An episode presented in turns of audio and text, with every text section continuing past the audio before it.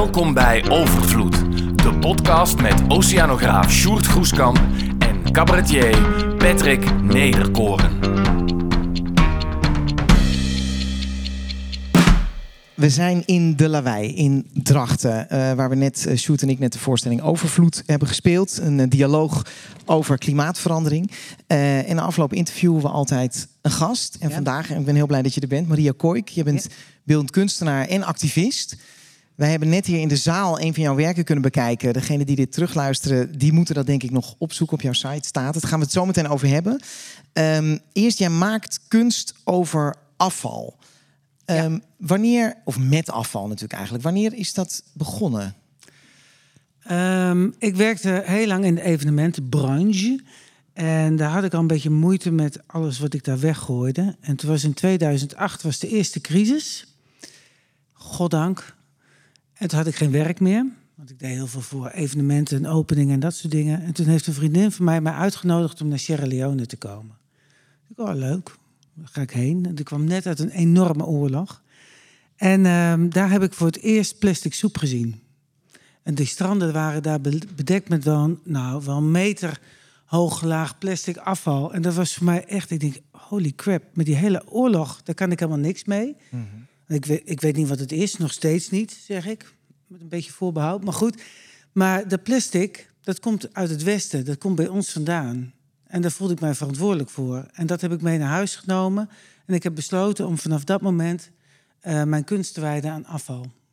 En dus, dus dat betekent, je bent vanaf dat moment, je bent beeldend kunstenaar, je ja. bent werken gaan maken ja. met afval. Ja, ik ben begonnen met, het kwam eigenlijk, ik ben begonnen toen ik uh, elke dag van uh, mijn werk naar huis fietste en of andersom naar mijn werk fietste ben ik begonnen met het oprapen van flesjes. Want ik dacht, ja, weet je, het ligt hier allemaal op straat. Wat daar op het strand ligt. Laat ik eens kijken hoeveel dat is. En toen heb ik in twee maanden tijd heb ik 1500 flesjes geraapt. Gewoon dezelfde route, heen en weer. En toen dacht ik van, dit moeten meer mensen weten. En toen heb ik een oproep gedaan bij mij in de wijk. Van, goh jongens, uh, laten we kunst maken van afval. Nou moet je in Groningen zijn. Wil jij, wil jij van afval kunst? Dan ben je hartstikke gek. Weet je zo werd het ontvangen. En uh, maar ik zo, ja, ja, dat gaan we gewoon doen. Gaan we gewoon doen. En toen heb ik een enorme zwaan gemaakt. Ik heb toen in twee maanden tijd, door al door oproepen te doen in de wijk... Uh, van jongens, we gaan al die plastic flessen gaan we verzamelen. Die lagen toen nog op straat, want toen was er geen statiegeld. En um, toen hebben we in twee maanden tijd 15.000 flessen verzameld. En daar heb ik een enorme zwaan van gemaakt. Die heeft twee maanden gedreven op de Hoornse Meer. Die was vijf bij uh, drie meter ongeveer. En toen was die zwaan, die had een vergunning. Ja, dat is nou eenmaal zo in Nederland. Ja, die had een vergunning. Ja, heerlijk. Ja, en die heette Patty. Patty de Zwaan, ook ontzettend origineel. En, um, maar goed, die wijk, die was helemaal gek op die zwaan. Die had echt wat, wat gaaf, weet je wel. Je kunst maken van afval kan dus wel. Ja. En toen had ik een, um, bedacht ik van nou, die vergunning loopt af. Dan heeft die zwaan die heeft een uitvaart nodig naar de recycledienst. En toen heb ik een rouwadvertentie geplakt uh, bij de Albert Heijn, onze plaatselijke Albert Heijn. En die kwam een beetje Patty, Patty ja, die, overleden. ja, Patty, we, Patty, we kunnen afscheid nemen van Patty woensdag om half één. uh, want dan gaat ze naar de recyclefabriek. En ik, ik zag ook wel dat mensen echt oh, zo reageerden bij het zien van die advertentie. Want die ging echt bij de entree van de Albert Heijn. Dat was erg grappig, vond ik zelf. Maar oké. Okay. Um, en toen die woensdag om half één, je zult het niet geloven, maar er stonden mensen, nou ik denk een stuk of 30, 40 mensen, dus in zo'n wijk heel veel, maar ook mensen met allemaal op kano's en zeilboten met zwarte vlaggen. Ik denk, dit, dit is niet te geloven. Het leeft. En, en er was zelfs die twee dames. Een rouwspoed ja, van bootjes ja, ja, met zwarte ja, ja, ja, echt. Wow. Maar die, zelfs die twee dames die dus zo negatief waren van ja, kunst en afval en dat soort dingen die belden mij op en die hadden gezegd: uh, Heeft het ook zin om handtekeningactie te beginnen? Want we zullen het beestje nou al missen. Ach. Serieus. Maar het is eigenlijk een heel ontroerend verhaal dit. Want je, want ja. je begint dus over je verbazing over hoeveel wij weggooien. Ja. En hoeveel dingen dus snel waardeloos voor ja. ons zijn. Maar blijkbaar als je er dan iets anders mee doet... dan blijkt het van enorme waarde te zijn. Nou ja, mijn theorie is ook, geef afval identiteit. Maak afval waardevol of geef, geef het identiteit. Want bijvoorbeeld Neem als voorbeeld vroeger, en dan heb ik het over dat je dus nog geen statiegeld had. Dan schopte je een flesje weg, want het was gewoon waardeloos. Weet je wel, ja, pff, de weg ermee. Nu prullenbakken worden geplunderd omdat het nu statiegeld heeft. Het is geld waard. Maar als je bijvoorbeeld ook een beertje ziet liggen, dan weet je dat het van een kindje is. Dus wat, dan buk je wel, dat doet iedereen, om even dat beertje goed in beeld te leggen. Want dan weet je dat die moeder die helemaal met een krijzend kind thuis zit. Oh ja, daar is een beertje. Ja. En die neemt het weer naar huis. Maar het is hetzelfde afval wat op straat ligt. Maar omdat het identiteit heeft, pak je het op. Ja. En dat is met, met die zwaan ook. Die zwaan die had opeens identiteit, terwijl het gewoon eigenlijk een bult plastic flesje is. En zullen we naar zo'n tweede moment, wat denk ik een grote eye-opener was in je leven, gaan? Je, je werd geopereerd. Ja. Ehm, was voor Borstkanker. borstkanker. Ja. Heftige operatie. Ja. Tegelijkertijd lag je daar ook als maker, blijkbaar als kunstenaar. Jij dacht ook meteen, wat wordt hier een hoop afval? Nou, je moet weten, ik ben verpleegkundige geweest. 100 jaar geleden ongeveer. Ehm, nee, 35. Ehm, dan weet u jammer hoe oud ik ben. Nee, maar goed. Ik ben, ben verpleegkundige geweest. En toen had je gewoon een kogger, een schaar, had je in je uniformzak. Handschoentjes, nou, alleen bij hele incontinente mensen deed je wel eens een handschoentje gebruiken. Of hele vieze wonden. Eh, we liepen zelfs, je kan het niet geloven, met een tube calendula zalf. Heel hip, de pip, hartstikke homeopathisch. Eh, liepen we in onze uniformzak. En daar, daar smeerden we op al die wonden. Op de hele afdeling. Ja, dat, dat deden we. Ja, we vonden geen. Kon gewoon. En toen kwam ik dus 30 jaar later in het ziekenhuis als patiënt. En ik had echt, wat krijgen we nou? De bloeddrukbandmeter was wegwerp, alle bekers waren wegwerp, medicijnbekertjes waren wegwerp. En toen de volgende dag mijn verband werd doorgeknipt met een schaar die wegwerp is. Zo. En daar kwam ik achter, want ik, ik haalde die schaar uit de naaldencontainer waar je normaal eh, de scherpe spullen in stopt. Om je niet te prikken aan dingen. Ik dacht, wat doet die schaar daar nou, weet je wel zo. Dus ik bracht hem terug naar de verpleegkundige en die zei... Ja, eh, joh, ik, ik weet niet wat je... Maar die schaar, ik weet niet wat die in die naaldencontainer doet, maar die is voor jou. En die, zei, die keek me echt zo aan, ben jij nou helemaal gek? Die, dat is wegwerp. En ik stond daar echt, ben jij gek? En Jullie zijn gewoon knettergek geworden, dat is belachelijk. Het gaat dus over duizenden scharen per dag. Ja. En toen dacht ik van hier moet ik wat mee doen. En toen Dus- heb je geprobeerd of heb je gevraagd... mag ik, mag ik het afval rondom Ja. mijn operatie... mag ik dat mee naar Ja. huis nemen? Dat was waarschijnlijk ook de eerste keer dat dat gevraagd Nou, dat werd. was, het was wel een ongebruikelijke vla- vraag, zei die chirurg. Wa- wat, wat we net zagen, was dat ook van jouw operatie? of Dat was mijn achteraf, reconstructie. eh, nee, nee, nee, dat was mijn geen bloed meer op reconstructie. en zo, zag ik. Dus, eh, Nou, ik heb één schort weggehaald. Die was echt van hier tot hier eh, vol. Dus het is wel een raar gevoel om dat eh, allemaal zelf te ontleden als je die vuilniszakken thuis hebt. Nee, ik, was, ik, had, eh, ik had dus eerst een borstamputatie ondergaan en toen heb ik een reconstructie gekregen. Wij hebben een geweldig zorgsysteem in Nederland, jongens. Denk er even om. Dat krijg je gewoon aangeboden. 15 mensen hebben 10 uur geopereerd om van mijn buikvet een nieuwe borst te maken. Gigantisch. Krijg je gewoon. Alleen maar om jou wat symmetrisch en gelukkiger te voelen. Ehm, en toen dacht ik, toen ik die operatie eh, kreeg, dacht ik, weet je wat, ik ga gewoon proberen. Ik ga die eh, chirurg vragen of ik mijn afval mee mag. Nou, ik had allemaal plaatjes van mijn werk erbij gedaan, weet je wel, even een beetje lekker. eh. En ik heb een oncoloog gevraagd om daar even wat druk onder te zetten. Toen zei ze, nou, dat- is geregeld, want die was erg fan van mijn werk. En toen kwam ik dus toen zei ze, dit is een behoorlijk ongebruikelijke vraag, maar ik ben het helemaal met je eens, want we maken zo verschrikkelijk veel afval. En dan moet je voorstellen, ik ben, je bent tien uur onder narcose geweest. Dat is behoorlijk lang. Dus als je dan wakker wordt uit die narcose, dan is het echt alsof je echt onder de grond vandaan langzaam weer bedenkt van, oh ja, dit is het leven. Oh, ja. En het eerste wat je hoort is, mevrouw Koik, we hebben zes grote vuilniszakken alvast in uw kamer gebracht. en toen had ik echt, nou, ik, wacht even hoor, wie ben ik überhaupt? Later zei ze ook, ja, ik was wel heel erg enthousiast. maar goed, die zes zakken, dat is dan ook nog wel weer een grappig verhaal. Want hygiëne had er lucht van gekregen. En die zeiden, ja, maar dat is ons afval, dat gaat niet mee. Dus ik heb het op de zondagavond, is het via de dienstlift, met behulp van verpleegkundigen, naar buiten gesmokkeld. en tussen maandag, toen stond de hygiëne dus weer bij mij aan bed. Zo van, ja, eh, mevrouw Kooi, ik wil het toch even hebben over dat afval. En ik zei, afval? Welk afval? Hoezo? En toen was het dus weg. Maar dat was wel grappig. En toen had ik ook al wel in de gaten, denk als ik hier een kunstwerk van wil maken à la Patty de Zwaan, gaat niet lukken, kan ik nergens exposeren.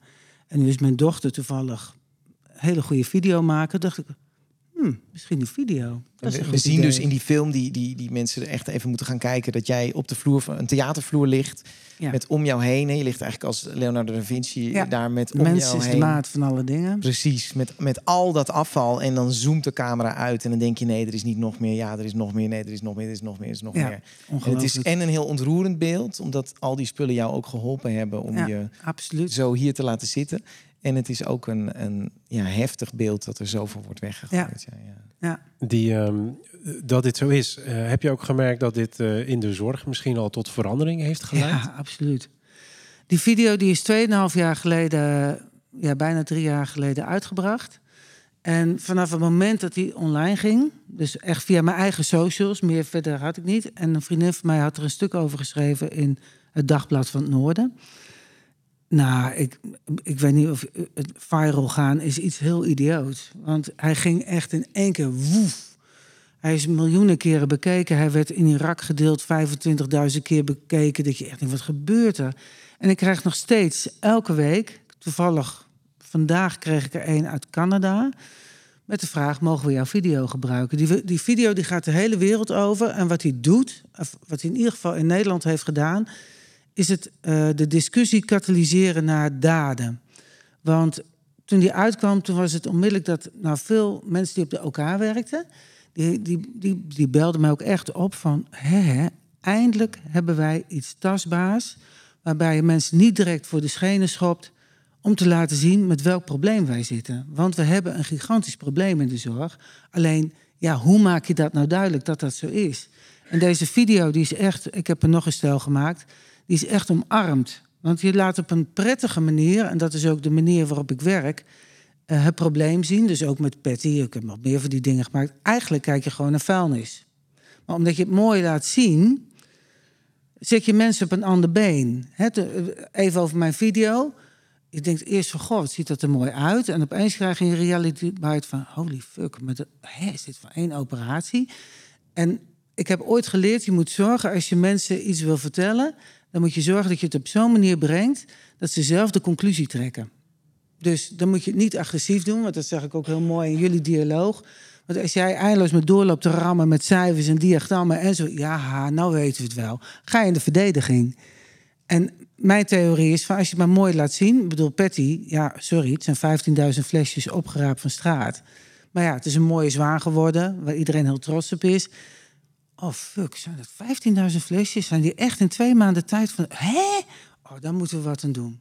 Nou, en zo, dat is mijn filosofie, krijg je mensen op een ander been. Ja, en als je die mensen op een ander been hebt, dan uh, dat is eigenlijk de eerste stap tot verandering, Ja, lijkt mij. absoluut. En Ja. ik vind dat een fantastisch voorbeeld van hoe kunst in dit geval. eh, zo ook wel bij Patty eigenlijk. Hè? Want, Ja. want die heeft in die community natuurlijk in één keer enorm het besef gecreëerd. Hoeveel iedereen weggooit. Ik weet niet of je ooit nog wel eens langs die straat bent geweest. waar je die flesjes hebt eh, opgehaald. of dat ook minder werd in de tijd. Nou, het was tijdelijk minder. Maar het grappige is wel, dat op een gegeven moment was ik de afvalkunstenaar van Groningen. En ik heb nog maanden, zo'n jaren, plastic tasjes met flesjes en blikjes aan mijn deur gehad. Ik denk, ja, eh hoeft van mij nu ook niet. Maar goed, dat is. Nee, weet je, het heeft. eh, wat, wat, het, wat bij Patty, en dat is in 2008 was dat. Ehm, mensen realiseerden zich, die gingen opeens naar beneden kijken en om zich heen kijken. En zagen die flesjes eindelijk op straat liggen. Wat je daarvoor niet deed. Nou, ik, ik heb daar nog wel een, een parallel over die ik eh, graag jouw mening over zou willen horen. Want we hebben het hier heel erg over plastic. Eh, plastic is in, in mijn ogen meer een, een milieuprobleem, hoewel het produceren daarvan ook eh, CO2-uitstoot eh, betekent. Ehm, en eh, ik, ik bekijk op dit moment de wereld heel erg vanuit het klimaatprobleem. Nou, dat is gewoon waar ik vandaan kom. Eh, maar ik zie CO2 eigenlijk ook als ons afval. Ehm, ik zie dus ook heel veel parallellen daartussen. Ik vind het bijvoorbeeld heel raar dat wij niet betalen om onze CO2 te laten opruimen. Net zoals dat we gewoon betalen eh, dat de gemeente onze vuilnisbakken komt ophalen bijvoorbeeld. Waarom doen we dat eigenlijk niet? Ehm, maar ik zie ook heel veel parallellen daarin. eh, namelijk vooral dat bewustzijn wat jij creëert. eh, dat zou je bijvoorbeeld misschien ook kunnen doen met CO2. Als zijnde een afvalproduct waar wij met z'n allen last van hebben. Ik denk dat het probleem is dat je het niet kan zien. Eh, maar, ja. maar zou jij Eh, zou jij dat kunnen? Zou jij daar ook bijvoorbeeld een kunstwerk over kunnen maken eh, die dat inzicht bij mensen creëert?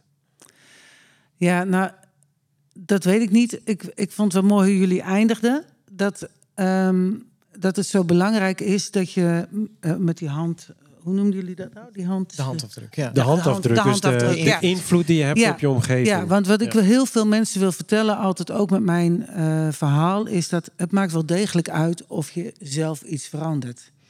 En ik denk dat dat belangrijker is om mensen het gevoel te geven van je, hè, met die video van mij. Nou, ik had het natuurlijk nooit kunnen bedenken dat het zo'n knaller van een hit zou worden, om maar zo te zeggen. Je kan, daar is wel degelijk een verandering mee in gang gebracht. Ja. Hè, het katalyseerde dingen. Dus het was net even nodig om dat over de rand te helpen. Ehm, daarmee laat je zien dat je wel degelijk iets kan veranderen. In plaats dat je denkt, ja, nou, we, we- hè, iedereen de schuld geven, het afschuiven enzovoort. Dus ik denk dat je daarmee eh, de CO2-problematiek. je moet mensen het gevoel geven dat ze wel degelijk ook zelf iets kunnen doen. In plaats van de schuld te geven aan iedereen en nog wat. En, en ja, dat visualiseren, dat is wel een dingetje. Wil ik het wel een keer met jou over hebben? Dat vind ik interessant.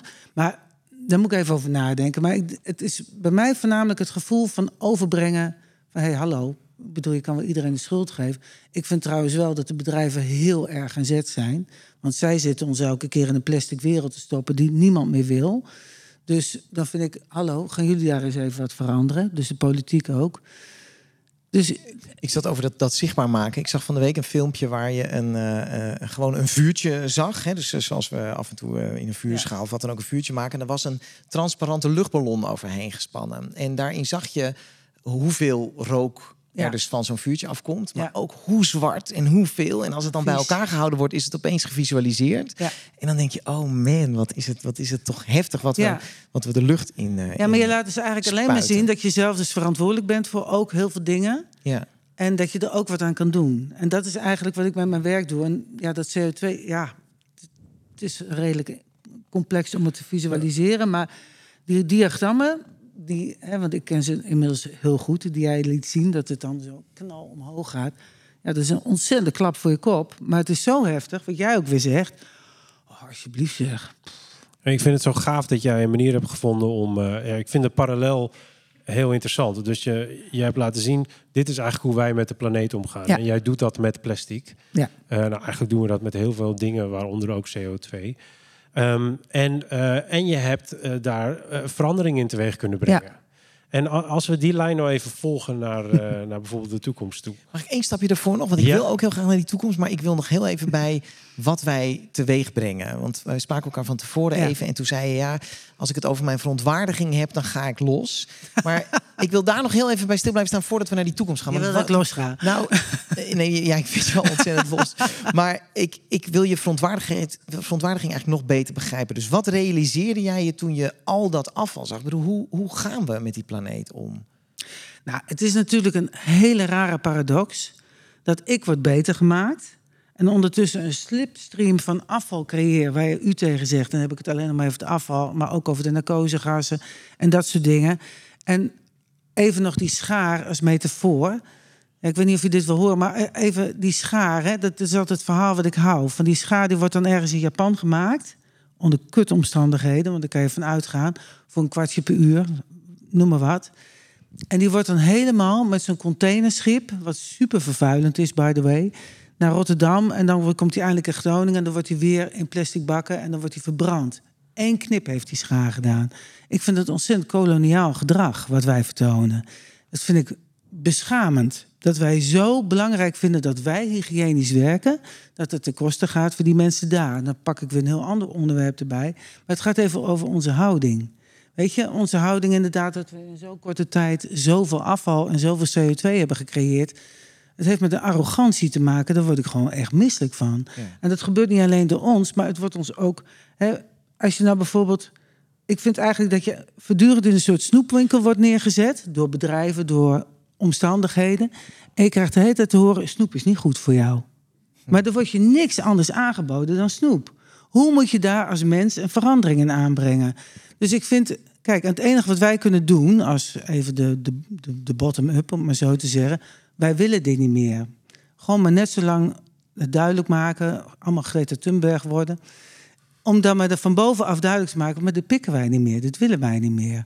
Dus dat is de enige manier, denk ik, om die verandering in gang te zetten. Ik ben ook maar gewoon een patiënt geweest die zoiets heeft van... hallo, wat is dit nou? Ik ben natuurlijk ben ik super blij dat ik genezen ben. Maar vraag de manier waarop, die klopt niet. Nu de vraag van Sjoerd. Nou, Ja. als die manier dus niet klopt en we kijken naar de toekomst, en ik Ja. weet dat jij daar een beeld over hebt, eh, zou je met ons kunnen delen hoe, ehm, hoe jij de toekomst ziet en eh, de komende eh 30 jaar bijvoorbeeld? Hoe, hoe kijken we over 30 jaar naar afval?